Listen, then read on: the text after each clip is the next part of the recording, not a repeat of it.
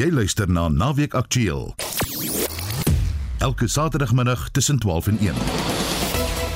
In vandag se program ons bied jou 'n gesprek wat terugstrek na 2015 tussen Adrian Vlok en Frank Chikane in die Monitor Ateljee as hulde blyk aan die oudminister wat pas dood is na 'n kort siekbed.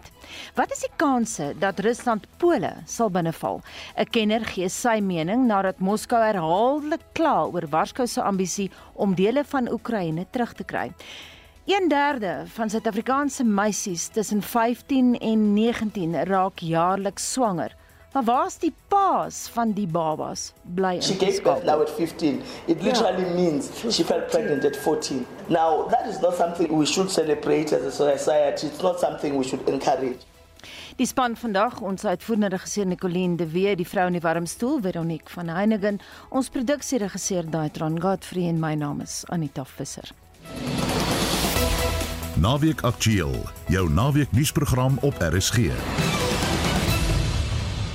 Volgens statistieke Suid-Afrika raak 1/3 van Suid-Afrikaanse meisies tussen 15 en 19 jaarliks swanger. Dis dubbel die wêreldgemiddeld. 'n Kwart van die swanger tieners kom van KZN. Nou een rede hoekom die provinsie se LER van gesondheid, Nomagugu Simelane, haar irritasie daaroor uitgespreek het kort na die nuus dat 76 nuwejaarsbabas in daai provinsie gebore is. Simelane en die premier van haar provinsie, Nomusa Dube, Dube, Dube het die Harry Gwala Hospitaal in Pietermaritzburg besoek om van die nuwe babas te sien en dit is tydens die besoek dat die LER haar misnoë oor die situasie so verwoord het. When she gave birth now at 15, it literally yeah. means she felt pregnant at 14. Now, that, that is not something we, we should celebrate as a society. It's not something we should encourage. The mother had a baby, she was in Port Shepstone Hospital, and we are told that the father is also 15 years old. It is quite worrying that, you know, it's a whole life, it's two lives actually, that are now have been ruined uh, because of these unplanned pregnancies.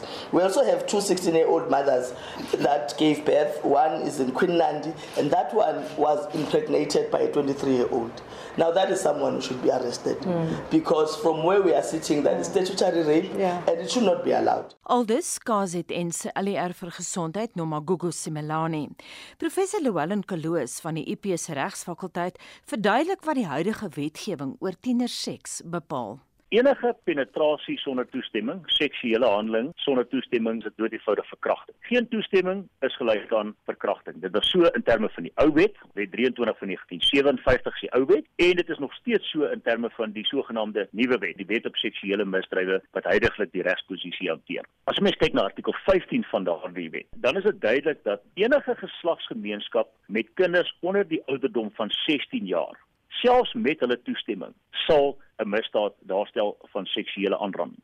In kort kom dit daarop neer dat 'n misdaad gepleeg word wanneer 'n persoon, 'n seun of 'n dogter, 'n handeling pleeg van seksuele penetrasie met 'n kind en dan is dit ook duidelik dat dit ook 'n seun of 'n dogter kan wees met of sonder toestemming van daardie persoon. Ons moet vir mekaar reguit sê 'n persoon onder die ouderdom van 12 mag in elk geval nie toestemming gee nie. Enige seksuele handeling met so 'n persoon sal op sigself sterre verkrachting daarstel. Volgens professor Kaloos word 'n kind in terme van die spesifieke wetgewing gedefinieer as iemand tussen die ouderdomme van 12 en 16. Waar twee kinders met mekaar seks het, albei onder die ouderdom van 16 jaar, maar albei ouer as 12 jaar. Dan sê die reg het albei eintlik 'n misdaad gepleeg. Maar omdat ons nie graag kinders wil voor die howe bring nie want dit het 'n invloed vir die res van hulle lewe op hulle kriminele rekords en dit wat daarmee gepaard gaan, moet daar dan skriftelike toestemming gekry word van die nasionale direkteur van vervolgings alvorens enige van daardie twee kinders aangekla kan word. En dan sê die reg behoort ons albei aan te kla. Dit is normaalweg gesproke in die laaste dekade of so gesien dat dit nie in die belang van regspleging is om kinders noodwendig dan aan te kla nie. Ons sal eerder op 'n alternatiewe wyse probeer behandel, byvoorbeeld deur hulle te stuur vir berading en een of ander ander vorm van afwenteling mm. anders as om hulle dan aan te kla van verkrachting of statutêre verkrachting. Dit dan die strafregkenner professor Llewellyn Kaloos van die Universiteit van Pretoria wat vroeër die week met Naweek Aktueel gepraat het. En ons bly by tiener swangerskappe in Suid-Afrika, maar verskuif nou die fokus na die Oos-Kaap waarvan die DA se nasionale woordvoerder oor gesondheid, Lindy Wilson, baie kennis dra. The problem is not restricted to KZN. We did an oversight a short while ago at the Dorian Ginza Hospital, the Livingston Hospital, and the Provincial Hospital in Nelson Mandela Bay, and the situation there was equally as appalling. Half the mothers we saw in the maternity wards were juveniles. We were seeing children having children, and the situation is countrywide, and it's just got very, very serious. Amongst the children we saw in those wards, I mean, one was as young as 14, so you've got a child giving birth to a child. But the problem is not created necessarily just by the children having babies themselves. What needs to happen and what should be happening, and this was the fall down, is that when a child has a child in a hospital, social services are supposed to come in. They are supposed to question that child. They are supposed to find out who the father is how old the father is, how the situation arose, all of those kind of questions so that they can decide whether or not there is a case for rape or molestation or whether it was children experimenting. And because of the under resourcing in our hospitals and our social services division, number one, this is not happening. Number two, the children won't talk. Now, if these children won't talk and tell us whether or not it was rape, whether or not was a man, whether or not was a child, we don't have any information to go on. So that that is becoming a huge, huge problem. And often the parents won't let social services know either. They think they're protecting the child, but in actual fact, they need to give us access to that information because not only do we need to protect the child and bring the perpetrators to book, we also need to protect the communities because then we have got potential rapists and molesters walking in amongst those communities scot free. Helaas stem byna al die belanghebbendes saam. Tiener swangerskappe in Suid-Afrika is kultureel diep gewortel.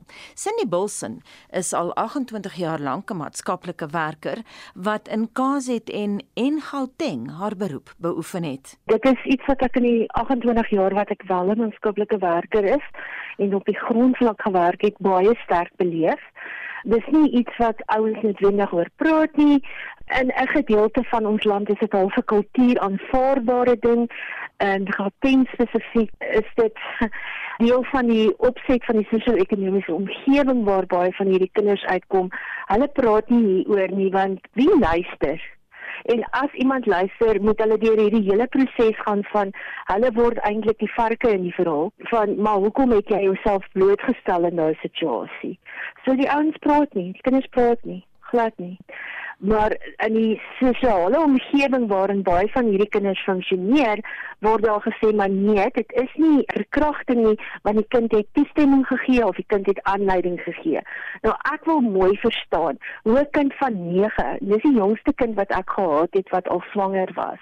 Hoe 'n kind van 9 aanleiding gee. Ek wil dit regtig verstaan. Vertel ons 'n bietjie meer van daai geval sonder om natuurlik haar naam te noem. Ja, dis nou 'n paar jaar terug daar's huise vir kinders wat swanger raak en dan word daai kinders baie keer vir aanneming gegee. Want wat doen 'n kind van 9 met 'n baba in elk geval? Dit is sy is in pleegsorg geplaas en op die ou end het sy in aanhalingstekens weer 'n normale lewe gehad. Maar om deur daai proses te gaan, om deur die hof te gaan om by iemand geplaas te word wat wel na haar sal omsien, dit is traumaties en emosioneel op 'n kind en dit laat letsels. Daar is letsels gelaat, dit gaan baie goed met haar op die oomblik. Sy is heel wat ouer nou en ons praat regtig van 'n hele paar jaar terug. Maar dit is nie iets wat nie sonder weggewens kan word en iemand is nou skielik reg met terapie nie. Dis nie dit werk nie. Wilson sê alhoewel tienerverkrachting dwars oor Suid-Afrika voorkom, daar nuance verskille tussen die provinsies is. Kyk dit en is 'n baie interessante situasie. Veral die noorde van Natal, ek het altyd gedink dit is 'n folk law of 'n uh, storie op die ouie waar dogters ontvoer word en dan word hulle so basies getrou. Maar dis 'n realiteit in daai omgewing en in daai gemeenskap is dit half aanvaarbaar. So vir 'n man van 23 om 'n dogter van 13, 14 te verkrag en te sê maar dis my vrou, dit gebeur regtig daar. Dis nie 'n storie wat opgebak word nie, dis regtig. In Gauteng is dit half 'n bietjie anderste. Um, ek wil aan die een kant kan sê daar is meer beheer daaroor om kinders nou strafregtelik aan te kla is 'n probleem. Maar baie van hierdie dogters het ons mans wat nie 23 is nie, maar 23 en ouer is wat hulle swanger maak. Hulle moet strafregtelik vervolg word. Nie die dogter wat swanger geword het nie, maar die persoon wat haar swanger gemaak het. Vir my as maatskaplike werker wil ek baie graag verstaan waar was die ouers? En hoekom het die ouer nie ook ingetree nie? Hoe kan jy jou dogter van 13, 14 toelaat om met 'n 30-jarige man uit te gaan of 'n 35-jarige man uit te gaan? Hoekom laat jy dit toe? Is dit moontlik om so kultuur te verander? Weet jy, um die dae wat ek in KZN en gewerk het, in Noord-Natal gewerk het, het my regtig my oë oopgemaak. Voor dit het ek in Newbra onder andere gewerk en in Claremont en Johannesburg gewerk. Ek wil vir jou sê ja en nee. Dis nie iets wat môre gaan gebeur nie. Of dit oor 10 jaar gaan gebeur, ek weet nie. Of dit oor 15 jaar kan gebeur, ek dink dit kan nou heen werk. Maar omdat ons in 'n omgewing en daai omgewing spesifiek werk met ouens wat werk met the chief is verantwoordelik gaan mens eers met daai konsep moet werk. Mens gaan daai leierskap moet inbring en help verstaan. Maar kom ons verander dit. Hierdie is nie reg nie. Dit is moontlik. Dit gaan nie môre gebeur nie. Aanvaar die meisies die manier van doen. Hulle word daarmee groot. As jy in 'n omgewing groot word waar jy die heeltyd seksueel verkrag word of blootgestel word aan seksuele konsepte, dan word dit die norm. Dis hoe jy groot word aan die een kant ja, aan die ander kant as jy aan 'n ander omgewing blootgestel word, dan besef jy dit was nie reg nie. So ja, dan voor dit ongelukkig. Dit dan die maatskaplike werker Cindy Bilson wat donderdag met Naweek Aktueel gepraat het. Volgende maand sal dit presies 1 jaar wees dat die Putin-regime Oekraïne binnegeval het. Oor die afgelope paar maande het die Russiese leierskap egter herhaaldelik verwys na die moontlikheid dat Pole sekere gebiede in Wes-Oekraïne gaan annekteer. Die gebiede was voorheen Poolse grondgebied wat Warskou na die Tweede Wêreldoorlog verloor het. Maar is dit genoeg beweegrede vir Moskou om Pole binne te val? Ek het professor Abel Esterhuise van die fakulteit Kragskunde aan die Universiteit Stellenbosch daaroor uitgevra. Abel die Russe se uitsprake oor Pole kom uit hoë kringe, die direkteur van hulle buitelandse intelligensiediens, Sergey Narishkin, asook Nikolai Patrushev, hy is die sekretaris van die Russiese Veiligheidsraad. Beteken dit dat Vladimir Putin op hulle waarskuwings oor Pole gaan reageer? Ek twyfel 'n mens moet die historiese en die geografiese situasie tussen Pole en Rusland baie mooi verstaan hier en ook die feit dat Pole natuurlik die nodale punt is vir steun aan die Oekraïne.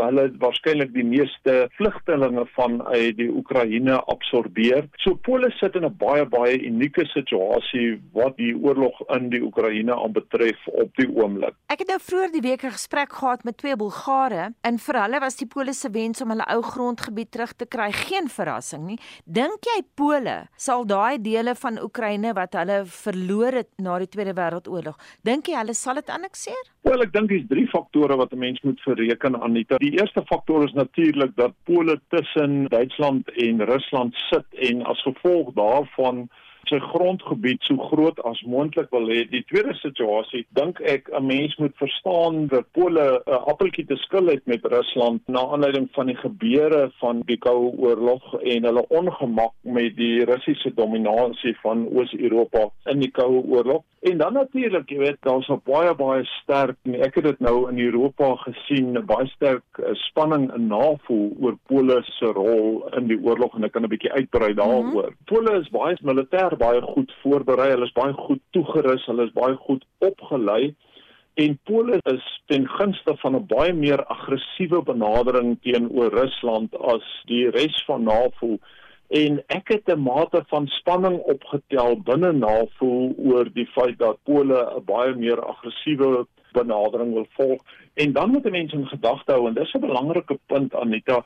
Pole is baie sterk nasionalisties tot op die punt wat dit selfs rassisties is. Jy weet Pole het byvoorbeeld geen immigrante uit Midde-Ooste en Afrika tot op hede geabsorbeer nie of baie min van hulle. So Pole het 'n baie sterk benadering in terme van hou Pools wat Pools is wil ek amper sê En daarom is daar ook 'n baie groot spanning met die Russe en veral hoe die Russe en wie die Russe gebruik in hulle oorlog in die Oekraïne op die oomblik. Maar ek wil nog steeds terugkom by my vraag. Dink jy Pole sal daai dele van Oekraïne annekteer wat hulle sin was? Ek twyfel. Ehm um, Pole sal die situasie tot sy eie voordeel wil uitbuit, maar ek twyfel of Pole die grondgebied in die Oekraïne sal oorneem hulle sal polities baie baie baie versigtig omgaan daar. Ek twyfel in my opinie sal Pole dit nie doen nie. Dit sal dood eenvoudig polities dom wees. Dit mm. sal NAVO in die voet skiet. Dit sal 'n baie belangrike verhouding wat Pole met die FSA het, tipe van van die ehm um,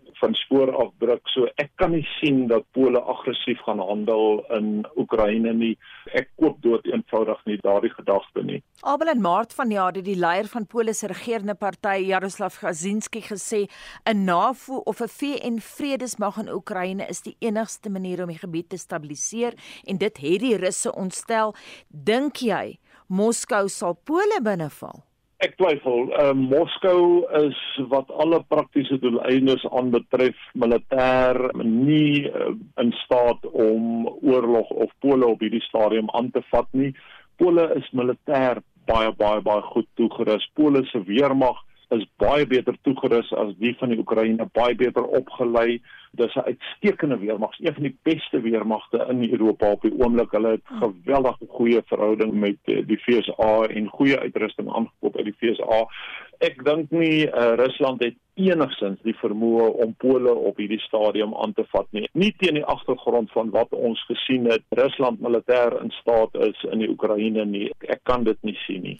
En wat Oekraïne betref, Abel, hoe lank dink jy gaan die oorlog nog voortduur? Ek dink die oorlog gaan nog 'n hele rukkie wees. Die situasie is baie stabiel op die oomblik omdat dit maar winter is en operasioneel en takties gaan daar eintlik maar min op die front aan die magte is tevens besig om hulle self nou voor te berei vir lente-offensief. So die oorlog gaan nog 'n geruime tyd aanhou. Ek luister dat daar mense is wat baie meer positief is oor Rusland se posisie in die oorlog ek het my ernstige bedenkinge daarom en daarom is ek van mening dat die oorlog nog geruime tyd gaan aanhou.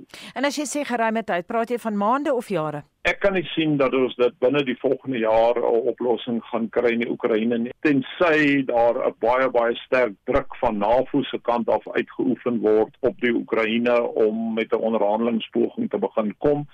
Maar solank as wat NAVO uh, steun aan die Oekraïne verskaf, sal daardie oorlog voortgaan en sal hulle poog om Rusland te verswak. En so sê professor Abel Esterhuise van die fakulteit Kruiskunde aan die Universiteit Stellenbosch. Oudminister Adrian Vlok wat op sy tyd hoofbaas was van wet en orde in Suid-Afrika, is verlede week op 25 jaar dood, 85 jaar dood na 'n kort siekbed. Vlok was die enigste apartheidskabinetsminister wat aansoek gedoen het vir amnestie by die WVK. Dit het hy dan ook in 1999 gekry. Dit was egter sy ander daad van gepoogde versoening wat internasionaal opslag gemaak het. Op 3 Augustus 2006 het Adrian Vlok, eerwaarde Frank Chikane, se voete in sy kantoor in die Unie gebou gaan was om vergifnis te vra vir sy pogings om die strugglevegter dood te maak. Op Versoeningsdag 16 Desember 2015 het Vlok en Chikane die storie aan my en Iwer Price in die Monitor Ateljee kom vertel. Die bekroonde onderhoud was 45 minute lank wat ons afgesny het tot 8 minute ter wille van die uitsending op Naweek Aktueel. Meneer Vlok, ons het nou in die inleiding verwys na Taum Bekkie en Patricia de Lille se baie positiewe reaksie, maar nie almal was ewe beïndruk nie en ek haal aan uit die Independent Koerant groep.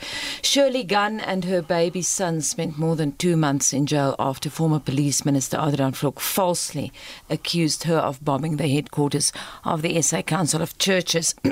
Verskoning, dis natuurlik Godshuis. Gunn has slammed Vlok's foot washing apology to Frank Chikane. He can't just wash Frank's feet and think that's the end of it. En dan Dumisa Sebesa van die WFK se ondersoek en dit was ook min beïndruk met die gebaar. Sy woorde eenvoudig too little, too late. Meneer Vlok, hoe voel jy oor sulke kritiek en hoe het jy destyds daaroor gevoel? Dit het my destyds 'n bietjie bietjie seer gemaak en, en ek het nie lekker gevoel daaroor nie. Totdat ek nou regtig gaan sit het en die saak uitgemaak het. Die enigste vraag wat ek moet antwoord is dit die regte ding wat ek gedoen het. En ek is vandag oortuig daarvan dit was die regte ding om te doen. Vergifnis en verzoening is 'n persoonlike saak. Man op man, ek is 'n volgeling van Christus en sy woord sê as jy jou offer na die altaar toe bring en dit jou daar byval dat jou medemens of jou broer iets teen jou het gaan los jou offer en gaan maak vrede met hom ek het hom persoonlik seer gemaak jo ons het hom so seer gemaak en ons het dank die Here vandag nog dat hy lewe en ek wou dit gaan regmaak met hom en dit is maklik om te sê ek is jammer maar ek wou graag iets bysit ek wou wys ek wou demonstreer dat ek bereid is om af te klim van my uh, high horse, van my trots om myself prys te gee en om dan vir hom bereidheid te vertoon dat ek bereid is om hom te dien. Meneer Vlok, is daar spesifieke voorvalle, insidente waaroor jy spyt is? In my tyd het ek daarom baie mense toegesluit, jong, jy weet ek het mense hulle vryhede ontneem. Ouens wat met my wou praat het ek gesê nee, ek praat nie met julle nie, jy's 'n kommunis, ek praat nie met jou nie. Jy gaan net moeilikheid maak. Ek gaan jou nie loslaat nie. Jy moet sit. Ek het 'n harde houding gehad teenoor mense. En daaroor is ek regtig vandag jammer. Hoe het dit verander? Dit het nadat ek op my knieë voor Frank Sikani gestaan. 'n Wit man wat so agtergrond het voor 'n swart man wat my vyand was. Gestaan het en in sy oë gekyk het. En hom gesê ek is jammer. Vergewe my asseblief en laat my toe om jou voete te was om te demonstreer dat ek bereid is om alles oorboord te gooi en om nou te sê ek is bereid om voor jou op my knieë te staan. En tweedens omdat volgens Johannes 13 ek het hom lief gehad en ek het hom lief gekry, maar dit het my hele siening van mense verander. En dit het beginne toe my eerste vrou haar eie lewe geneem het op 28 Julie 1990. Dit is vandag 16 Desember, Versoeningsdag, en ons het beide here in die ateljee om te praat oor daardie daad van versoening. Welcome, Reverend Chikane. Uh, thank you very much. We want to talk this morning about what happened on that day, 3 August 2006. What do you remember? Mr. Flock arranged for an appointment, came to the union buildings. We had a conversation. And he then said to me, I mean, after the confessional stuff, and he had a New Testament Bible, a Bible, where he had the confession written in, in by hand to ask for forgiveness about what has happened and asked to wash my feet. But before he did that, he asked for water. And I thought he was just dry and he wanted to drink the water. And he put a glass of water in front of him, didn't drink the water. And then he asked to wash my feet. And I then said to him, You don't need to do that. I believe you. I accept the apology. Um, and I have forgiven those who did all these things to me long time ago. You know, for your own health, you need to get rid of bitterness and anger and go on with life rather than be a prisoner of the past. So I declared I've forgiven everybody. So when he came, I said, You know, the forgiveness has been given already. You don't need to wash my feet. And then he said to me, Well, can you allow me to do it for my sake? Uh, not for you. And, and that's at that point when I realized, well, it's not about me, it's about him and what he believes he needs to do and it's not an easy thing to take out your shoes uh, in the director general's office in the union buildings you know. I mean it's uh, then the socks must go out and and then he put his water in the scuttle he made sure he's got a plastic one because he knows the environment there. He wouldn't have gone through the security check. so he used a plastic one to go in. I'm sure he couldn't bring a glass. It would have been a problem or water. Maybe um, we should just quickly tell listeners, yeah. Reverend, uh, yeah. that he's got that very same. Die yeah. plastic bak is hier by ons met die handdoeke. Ek weet nie of die handdoeke dieselfde is. Yeah, and the, self, and the towel as well. The towels. And they're the same towels you used yes, to yes, dry your feet. Yes. So he washed my feet. I was worried about the secretaries coming in and finding this thing happening in my office. I mean, it's it's a strange thing to to allow to happen. Reverend Shikani, a little bird whispered in my ear that Mr. Flock was late on that day, and you were quite irritated at first. Not irritated, really. It's just because appointments get packed up. But he didn't need too much time because mm. it wasn't about talking, it was about washing my feet, and that was it. Did you talk about what actually happened and the fact that uh, miskien moet ek hierdie vraag aan aan jou vra meneer Vlok het julle gepraat oor die insidente om om eerwaarde Chikane te probeer vergiftig. Ons het nie veel daaroor gepraat nie, maar kyk ek herinner my dat ek eers vir hom die Bybel gegee het en gesê het, uh, Reverend Frank, will you please forgive me? I've sinned against the Lord and against you. Please forgive me. Then he said, "Okay, ek sal jou vergewe." And then the interview was over. En ek het nog glad nie gevra waarvoor ek eintlik gekom het nie. Want in my in my tas, hierdie briefkeis van my was hierdie skotteltjie en die twee handdoeke. En ek was vreesbevange. Ek was daartoe daar gesit het vreesbevange vir wat sal die mense sê as hulle moet uitvind ek het op my knieë voor hom gestaan en ek was bang geweest hy sê nee. Ja, nou ek ek was ek was vreesbevange. Wat wat maak ek as hy nee sê? Daarom ek dank die liewe Here van daai dag af tot vandag toe dat hierdie man dit in sy hart gehad het om vir my te sê nou ons gepraat het hy het gesê why do you want to do this ja. en toe het hy my vertel van 'n uh, insident wat die polisie vir hom en sy ma opgelaai het in mm. Soweto en dis die bevelvoerder twee polismanne en veiligheidspolismanne in die motor ons soek sy broer en hulle sê oor die radio sê hulle ons staan hier op die stasie wat moet ons maak as ons hom kry en die antwoord wat hy vir my gesê daar shoot him shoot him ja shoot him on sight Ja. Dit het my so aangegryp en ek het toe vir hom gesê maar jy sien uh dit is die soort van goed wat ek nooit eers van geweet het nie. Maar ek wil nou vandag hier vir jou sê hoe jammer ek is. En ek wil nie net dit met woorde sê nie. Ek wil graag 'n daad daarby voeg, 'n daad van nederigheid, 'n daad waarin ek wys dat ek bereid is om afstand te doen van my meerderwaardigheid en van my trots en van my eie ek. Dit het hy gesê. Ja, jy kan dit doen. Dit dan oudminister Wyle Adrian Vlok en daardie onderhoud het Iwer Price en ek gesamentlik gevoer.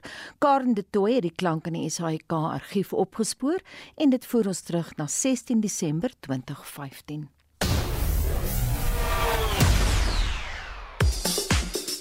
Ons sluit nou aan by Christo Gawie vir die jongste sportnuus. Goeiemiddag. Ons begin met rugby. Die Cheetahs sal hulle self wil skop aangesien hulle 'n magdom foute in dryfreën begaan en gesukkel het om die Scarlets se verdediging binne te dring in die Europese uitdagreeks wat hulle teen die Lanelli Scarlets in Wallis met 2017 verloor het. Die rustydtelling was 10-3 in die guns van die tuisspan wat tot dusver toe onoorwonde in die reeks is. Vanmiddag om 3 kom die Lions teen Stade France te staan op die algehele punteleer. Skade vir rugby tans heel bo aan die punteleer van Groep A met 10 punte, gevolg deur Toulon en Bristol Bears derde. Die Lions is tweede in Groep B. In sokker het AmaZulu gisteraand 'n lustelose Kaizer Chiefs span met 4-0 in hul DStv Premier Liga wedstryd in die Moses Mabhida Stadion in Durban geklop. Die oorwinning het AmaZulu tot die 5de plek op die liga punteleer verhef toe hulle hul onoorwonde loopie tuis na 3 wedstryde verleng het. Die KwaZulu-Natal se reëse sal nou op 21 Januarie met Marumo Gallants tuis afreken. Amakosi bly intussen 4de op die algehele punteleer na hulle tweede agtereenvolgende nederlaag en kom teen Mamelodi Sundowns tuis te staan op 21 Januarie. Die aksie gaan voort vanmiddag wanneer Richards Bay teen Gallants se staan kom. Arrows pak Orlando Pirates om 04:30 vanmiddag terwyl Cape Town City die stryd aansê teen Chippa United om 06:30 vanaand. Sundowns is heel bo aan die algehele punteleer met 40 punte. In die Engelse Premier Liga het Aston Villa Leeds met 2-1 gister geklop. Die groot stryd is vanmiddag om 03:30 wanneer Manchester United en Manchester City teen mekaar te staan kom. Liverpool en Brighton is ook teen mekaar in aksie om 5 namiddag vandag. In cricket het 'n sterk algehele kolvertoning van Durban se Super Giants hulle gisteraand in hul SA20 cricketwedstryd op Nieuweland tot 'n oorwinning van 5 paaltjies oor die Mumbai Indians Cape Town laat deurdring. Die meeste van die Super Giants se toporde wat 153 gestel het om te wen, het stewig begin en dit was genoeg vir 'n sege vir hulle. Parel Royals het Joburg Super Kings gister met 7 paaltjies geklop. Joburg Super Kings kon slegs 81 lopies aanteken na 17 bilbeerte wat Parel Royals in die 10de beurt verbygesteek het. Half 2 vanmiddag kom Sunrisers Eastern Cape weer teen Pretoria Capitals te staan. Mumbai Indians Cape Town spook sake uit om half 6 vanaand teen Joburg Super Kings. En dit was Christo Gawie met die jongste sportnuus gebeure. Van die jaar se Dakar tydren eindig môre met skof 15. Vandag aan die voorlaaste skof is Fritz Klase sommer baie opgewonde oor die posisie van Suid-Afrikaners in die tydren. Kom ons sluit aan by hom. Skof 14 van Dakar is tans aan die gang en ons begin eers met die goeie nuus. Die onstuitbare Suid-Afrikaner wat vir die eerste keer aan Dakar deelneem, Michael Doherty, het weer die veld aan die brand gery vanoggend. Hy wen die motorfietsklas en maak korte mette van voorlopers soos Kevin en Luciano Benavides, Adrian van Beveren, Daniel Sanders, Mason Klein, Toby Price, Skyler House en Nacho Cornejo. Michael neem eintlik deel aan die Rally 2 kategorie, maar hy stof die groot perde vandag uit wat beteken Dorothy wen in twee kategorieë, die motorfiets Rally GP afdeling, die groot klas en dan sy eie afdeling Rally 2. Nog 'n Suid-Afrikaner, Sharon Moore, wat deelneem in die Original by Motul klas, dis vir renjaar sonder enige ondersteuning. Hy het eergister plek en tyd verloor en 'n nuwe voorloper, Gawie Veiga, het oorgeneem by hom. Wel vandag spog Sharon weer met 'n algehele 17 minute voorsprong bo Gawie Veiga, want hy wen vandag se skof met 4 minute en 47 sekondes. Twee Suid-Afrikaners wat beslis amper 'n onaanvegbare kans staan om kampioene te word in hulle klasse vir Dakar 2023. Ander Suid-Afrikaners op motorfietsse, ek gee slegs hulle algehele posisies deur. Ross Branch, eintlike Botswana burger, is nou algeheel 16de in die motorfietsklas, dis Rally GP en uh, hy het vandag 7de oor die wenstreep gery. Die klas word nou gelei deur Toby Price, Skyler House nou 1 minuut 31 sekondes agter hom in die tweede plek en dan Adrian van Beveren 'n kwart uur agter hulle in die derde plek. In Rally 2 is Michael Doherty nog verseker van die bronsmedalje in derde en in Original by Motul is Sharon Moore amper verseker van sy goue medalje. In die motorklas, nie so goeie nuus nie. Brian Baragwana van uh, Century Racing van Suid-Afrika en voorloper in sy klas, tweewiel aangedrewe cross-country motors, het sy kar omgekeer in 'n gat so vroeër vanoggend, 4 meter geval en die motor op sy neus geland. Die motor self het baie seer gekry, baie baie foute daar in die uh, engine kamer, maar Brian en Lennard nie so erg seer gekry nie. Hulle kla van rug en nekpyn, maar Century span het laat weet hulle sal die motor aan die loop kry en kyk dat die twee hulle skof voltooi. Brian het 'n 37 minute voorsprong bo die man in die tweede plek in die klas. Dis uh, China se Wei Han en Wei Han prototipe. By die halfpadmerk vir motors is Sebastian Loop nog steeds op die aanval en is nog voorloper met so 4 minute. In die tweede plek Nasser Alatia en derde die Audi van Matthias Ekstrom. Henk Lategan was virtueel 5de, Janiel De Villiers 9de en Brian Baragwana 12de. Dis nou net voor sy insident. Ons het nog nie alle uitslae nie, maar ons behoort die finale klassifikasies te hê met ons volgende oorskakeling vanmiddag op RSG sport. Dis Fritz Klaaste.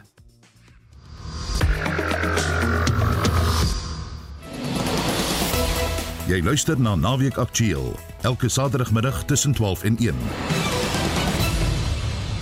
Oor die feesseisoen was swembadverdrinkings weer eens in die kollig toe 'n 3-jarige kleuter en sy 18 maand oue broer sonder toesig in 'n swembad in Randburg, Gauteng beland het. Die kinders is later per helikopter na hospitaal geneem vir behandeling, maar wat van die trauma wat die familie ervaar? Dikwels bly die huwelike van ouers wat mekaar blameer ook in die slag. Naweek Aktueel het met twee Suid-Afrikaners gaan praat wat eerstehands die verdrinking van familie familielede ervaar het. Louise Daniel is vandag 'n suksesvolle bloemiste in Auckland Park, Johannesburg. As vrou in haar 50er jare kan sy egter nooit vergeet wat op 24 Desember 1977 in die Johannesburgse voorstad Rivonia gebeur het nie. My cousin and I got a new bike each for our Christmas present. We decided to have a race down the driveway. I can't remember how long the driveway was, but we had a race down there, and my uncle asked me to look after Claudia, to keep an eye on her, and we just thought we'd take a race down to the bottom of the driveway and come back. We must have been down there, I think, about five minutes. I don't know. And then when we got back, Claudia was in the pool floating there was a lot of screaming, a lot of shouting. Told I should have, well, I should have kept an eye on her. They tried to resuscitate. My uncle tried to resuscitate her, but she was gone. Louise sê die impak van die 1-jarige Claudia se dood het die familie op groot skaal ontwrig. It's quite interesting to see how it happened. I know my uncle and his wife had another child afterwards, but their marriage couldn't survive the loss of Claudia. there was blame. She blamed him, he blamed her, and some of the blame fell to me at six years old, which is quite unfair. And yeah, their marriage just disintegrated. I think they lasted about two years. And the little boy, and she moved back down to Australia. She was originally from Australia, so she left him and went down to live in Australia. Die impak op die 6-jarige Louise was ewe traumaties. It's taken me about 30 years to, well, more, 50 years to realize that you can't leave a one year old in the care of a six to seven year old, not even a 15 year old. I blamed myself for most of my entire life for the death of a child. You know, at six years old, you don't know. You just know somebody's blaming you for that huge loss. And nobody told me it wasn't my fault. So that was huge. I think a lot of money spent in therapy trying to come to terms with the guilt and the loss of what I experienced that day. Lizane Smit se 2-jarige broer Stevie se dood in 'n swembad in die destydse Triomf, vandag bekend as Sapphire Town in Johannesburg, het ook tot 'n egskeiding gelei. Haar ma Lindy is die dag werk toe en het Stevie by die huishulp gelos. Die is oor na die bure toe en later was Stevie net soek. Maar laat Lizane self die storie vertel dit was 'n gesoek en hulle kon nie die polisie het nader aan aangekom en so was dit het my ma gesê 3 4 ure later en eventually het die polisie hom gevind in die bure se swembad. Hulle het 'n seil op die swembad gehad maar iemand het nie die hakkie op die swembad gesit nie. My ma het gesê al wat sy kan onthou was sy het in die swembad ingespring toe eventually in opgetel en hy was stokstyf en blou. Dit was te laat. Lindy se suster Martie en haar man Lorsie was die dag by toe Stevie verdrink het. Dit was egter haar eggenoot Steve se reaksie toe hy tuis kom wat almal onkant betrap het. Wat basies gebeur het is my pa het ingeloop en 'n vinger genoem my ma toe gewys en vir gesê dis jou skuld. My tannie sê dit is die dag toe my ma se hele gesig verander het. Daai woorde het hom nooit verlaat nie. So het hulle geskei op die ouderdom toe ek 7, 8 maande was. Maar hulle het nooit oor my boetie se dood gepraat nie. Ooit nie. Dis een ding wat my ma gesê het is hulle het nooit gesprek daaroor gehad nie, maar dit was jy weet 'n blame game. Dis een ding wat ek byvoorbeeld ook my ma gevra het was sal dit jou gelukkig maak as of glo jy dat pappa het dit bedoel dat dit jou skuld was en sy het gesê ja. Die huwelik kon ook nie die trauma oorleef nie, soos Lizane vertel. Dit het natuurlik gelei tot 'n geskeide huishouding, chaoties. My pa het in 'n baie ander mens verander, jy weet, hy was onemosioneel, nie beskikbaar nie. Ek het nooit my pa geken nie, byvoorbeeld, tot die ouderdom van 7 nie. Hy het, hoe kan ek sê, sy pyn in drank in gegaan waar hy ook aggressief geraak het teenoor my moeder. En so het sy dit ook aanvaar want onthou in daai geval het sy gevoel dan is dit my skuld. Dan jy weet punish me. Dis okay. Ek onthou net my ma was dis die dag wat hy verjaar. Die dag wat hy oorlede is. Was daai 2 dae en so het ek my boetie geken van die graf af. Ons het altyd gegaan en boetie gaan skoonmaak. In 2014 is Lizane se ma Lindy aan kanker dood, iets wat sy glo direk gekoppel kan word aan die trauma wat haar ma se kind se verdrinking veroorsaak het. Al hierdie kanker is sakkies stres. Ek het altyd verwys na gremlins. As jy nie gaan praat oor enigiets nie. Berading is so belangrik. Ek glo dat as sy berading gedoen het en en my pa for that matter sou hulle albei in 'n baie beter toestand gewees het want my ma as jy dit nie gaan uitkry nie gaan dit ingaan. En sy het gelei met die kanker en sy wou nie laat gaan nie. Maar sy het geweet klein Stevie wag dat sy nie wou laat gaan hierson nie want sy klaar verloor. So sy het aangehou fight en fight en fight en ek meen tot die laaste nippertjie en dis waar ek moes inkom en gesê het mami klein Stevie wag gaan wees nou 'n mamma hy wag vir jou Dr Tessa van Wyk is 'n traumatoloog wat vir dekades lank in Lichtenburg Noordwes gepraktiseer het. Vandag is sy op die tuinroete waar sy 'n praktyk naby George bedryf. Vir dokter van Wyk was dit geen verrassing om te hoor dat twee egskeidings op die verdrinkings gevolg het nie. Glad nie Anita, ek sien dit nou nogal baie gereeld in die praktyk dat na so 'n trauma of 'n groot verlies aan 'n kind dat huwelike dit nie maak nie. Wat is die fout? Is daar reeds krake? Ja, weet jy wat daar is tog al baie onderliggende temas wat uitspeel na so 'n trauma in 'n huwelik. Daar's byvoorbeeld woede wat hulle het teenoor mekaar of vir jouself. Ek het toegelaat dat 'n 6-jarige kyk na my kind.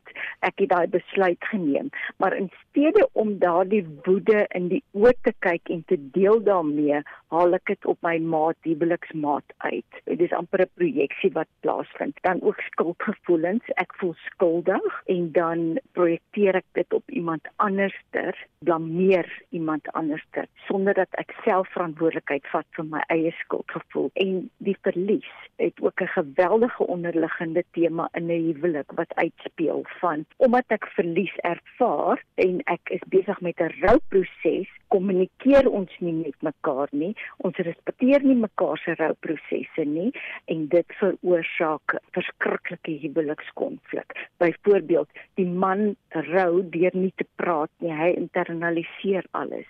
Die vrou wil juist praat en baie huil daaroor en dan begin hulle by mekaar verby leef. En dan Anita wat ek baie gevind het, maar dis iets wat ek altyd eers toets in praktyk. 'n Teorie wat sê as daar reeds 'n krakie was in 'n huwelik, het so 'n trauma van 'n verlies van 'n kind is geneig om die vergrootglas op daardie krakie te sit en dan ontplof dit. En ek het 99.9 keer wanneer ek dit toets is dit waar dat voor die trauma was die huwelik reeds in die moeilikheid was daar reeds probleme wat nie nie gedeel was nie. En dan so trauma maak dan net die huweliksprobleem erger. Tessa Hoe verwerk 'n paartjie so iets suksesvol? Daar moet tog mans en vroue wees wat kinders verloor en die huwelik maak dit. Ja, een van die eerste goed wat mans en vrouens in die huwelik verkeerd doen, hulle praat nie met mekaar nie. Elkeen gaan in sy eie grot amper in, sy eie rouproses en sy eie verlies en hulle praat nie met mekaar nie en dit sal vir nogal my eerste raad wees. Deel julle gevoelens met mekaar. Sê ek is hartseer sê ek is kwaad.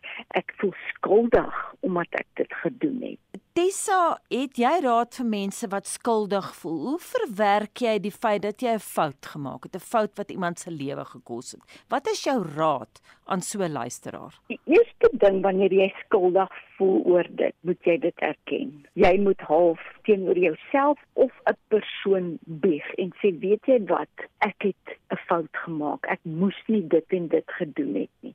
Onthou, wanneer jy iets in die donker hou en jy bring dit nie na die oppervlakte toe en jy erken dit nie, word daai ding vrot en hy word groter binne in jou en hy vreet jou lewendig op. So erken dit en sê, "Weet jy wat? Joe, ek het 'n fout gemaak." Dan jy al 50% klaar daarmee. Dan deel jy en praat oor daai gevoelens. Hoe voel dit? Wat is daai skuldgevoelens? Waaroor voel jy spesifiek skuldig? en dan begin jy met selfvergifnis. Van okay, dit het gebeur, ek het 'n fout gemaak, maar ek kan nie amp opslaan binne in hierdie skuldgevoelens nie. Ek moet nou aanbeweeg. Ek moet vorentoe gaan en daarom vergewe ek myself. En daardie raad kom van Dr Tessa van Wyk, traumatoloog wat vanuit die Suid-Kaap met Naweek Aktueel gepraat het. Nou die onderhoud met Lizain Smit is deur my kollega Jo Marie Verhoef gevoer. Gerry Coetzee, wêreld swaargewig bokskampioen tussen 1983 en 84, is die week aan kanker dood. Sy bynaam was die Boksburg Bomber, maar hy het ook bekend gestaan as die man met die bioniese hand na chirurgie in New York om sy gebreekte regterhand te herstel. Coetzee het in Mei 2020 'n onderhoud aan my toegestaan oor die feit dat Hollywood 'n fliek oor hom wou maak. Ons begin die insetsel met kommentaar deur Heinrich Marnitz oor die geveg tussen Coetzee en Michael Doakes op 23 September 1983 in Ohio, waarvan die uitklophou Gerry se regterhand gebreek en aan hom die wêreld swaargewig titel besorg het. Coetzee is nie meer op van die kruit. Doakes die kyk vir hom vierkant, weer so 'n linkerhou van Doakes. Stamina wat gaan tel in hierdie geveg. Coetzee wat glad nie sy energie vermors nie. Tydsbrekering baie goed. Wag vir Dux, hy spasieer die geveg te dusver baie goed Coetzee. En hy tref Dux met 'n pragtige kortregter. 'n Pragtige kortregter weer 'n linker in die gesig van Dux. En dan Dux daar met 'n linker. En dis Coetzee wat Dux getref het mee met 'n regter. Coetzee het vir hom eers getref met 'n kort linker, toe met 'n kort regter langs die kant van die gesig. Twee goeie hou van Gerry Coetzee. Reguit linker in die gesig van Dux is Dux retireer. Dux sien nie toe aan die oorkant regter op stopper is die Dani. Dan 'n pragtige regter deur Gerry Coetzee. Dan 'n linker in die gesig van Dux. Ek Gerry Coetzee met 'n reguit regter en hy het Dux die moeilikheid. Hy het Dux die moeilikheid. Dux sien op Gerry Coetzee pas. Gerry Coetzee moet afrond. Hy kan nie wêreldkampioen word vanaand. Dux is heeltemal bekwelm. Dux moet dit ontvou. Sal hy.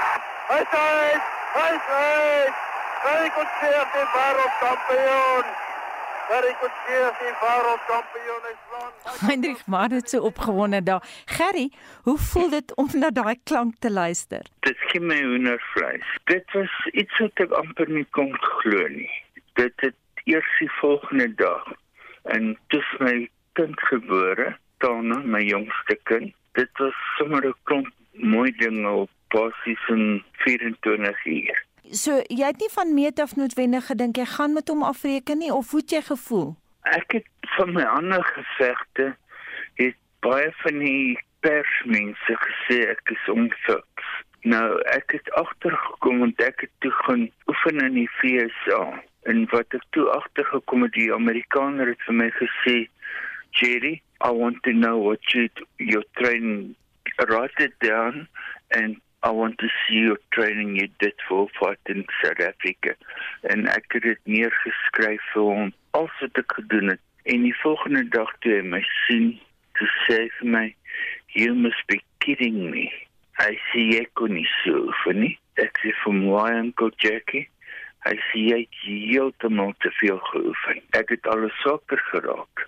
Jackie McCoy het heeltemal my afrigtings verander ek sou sê 50% laat doen het mm -hmm. wat ek gedoen het in Suid-Afrika vir 'n gewone 10 ronde geveg. Gerry en toe 5 dae later chirurgie op jou regterhand in New York. Dit was 'n darme breek wat nie te ernstig was nie. Hulle het net 'n pennetjie ingesit en met die pennetjie in het ek gegaan, teruggekom huis toe baie mense praat van uh, the bionic hand, jy weet in plaas van the bionic man en uh, the Boksburg bomber, maar een van jou ander byname wat Callie Knoetse vir jou gegee het was Seeraatjie Skootse. Ja. het jy teen hom geveg? Ek het teen Callie een keer, wel drie keer is amateur het ek teen hom geboks en een keer is professioneel. Gerry, vir watter bokser was jy die bangste of die versigtigste? Ehm uh, Ek was nie eintlik bang vir een bokser nie. Hierdie sege van jou het in Ohio plaasgevind en die Amerikaners het nog altyd 'n baie sagte plek vir jou gehad. Jy's in 2017 is jy vereer deur Hollywood. Het dit as 'n verrassing gekom? Ja. Ja, ek het nie dit verwag nie. Nie my wildste drome nie. Kyk, hulle het vir my baie geleenthede gegee en vir een of ander rede Ek dink ek weet wat die rede is. Het die moeilike opponente in Suid-Afrika verloor. Maar die opponente wat moeiliker was as die wat ek in Suid-Afrika geboks het, wat ek in Amerika geboks het, het ek gewen. Of dit iets was met my senuwees dat ek meer senuweeagtig was hier, laat die mense wat kom kyk het na my laat ek bang was ek stel hulle te leer en ek was meer senuweeagtig of dit die rede was, maar wat ek wel dink die afrigting wat hulle vir my laat doen het die ooroefening was die groot rede vir my verloor. Mike Weaver, John Tate en daai tipe klas en dit was vir die wêreldtitel. Gerry sê vir my na die fliek toe nou wat oor jou gemaak gaan word. Wat mm -hmm. dink jy daarvan? Is jy opgewonde? Baie. Ons het die skrip wat hulle gedoen het was 378 bladsye. Ek dink Heinz het hom gelees. Hulle het nou wel op hom verander van die Suid-Afrikaners hierso. Hulle het hier en daar klein bietjie Suid-Afrikaanse styl ingebring. Mm -hmm. Maar ek dink Heinz het eendag geskakel en sê het gesê Gerry, sy het hierdie skrip gelees. Sy sien so by die einde se kant kon sy nie meer nie. Sy het begin huil. Sy sê dis uh, ontsettend die mooiste skrip wat sy in haar hele lewe gelees het. Wat vir my ook baie baie goed is, is dat die Amerikaners wat besluit het om 'n Suid-Afrikaanse bokser te gebruik om 'n lewensverhaal te maak terwyl hulle baie swaar gewigte daar het hulle George Foreman, Ken Norton, Joe Frazier en hulle het my bokend al daai boksers verkies. En hoe voel jy, Gerry, oor Lime Hemsworth om jou te speel? Het jy hom ontmoet? Uh, nee, ek het hom nog nie ontmoet nie. Ek hoor hy sê Gully Gullia. Die meisie sou baie van hom. Is dit die geval met jou, Gerry? nee. Net laasens Gerry, wat wil jy moet oorkom in die fliek? Wat moet duidelik weerspieël word van jou, die mens en die bokser? Anita, jy weet ek het my hande soveel keer gebreek en om met 'n gebreekte hand te boks, dit was amper vir my onmoontlik. Die pyn wat ek deurgegaan het. Soos met Pinkin Thomas, het ek my hand voor die tyd gebreek en dan ook met Greg Page het ek my hand wel die persmense langs sy kruit gestaan en hulle het gehoor dat hoe die been kraak en breek. Greg Page het dit geweet dis toe die titel gehad het. Page het geweet ek het my hand gebreek. Ons het na Stan Christodalo toe gery en gehoor of ons die geveg kan uitstel. Ons het hom plate gewys. Dit was my duim wat gebreek was.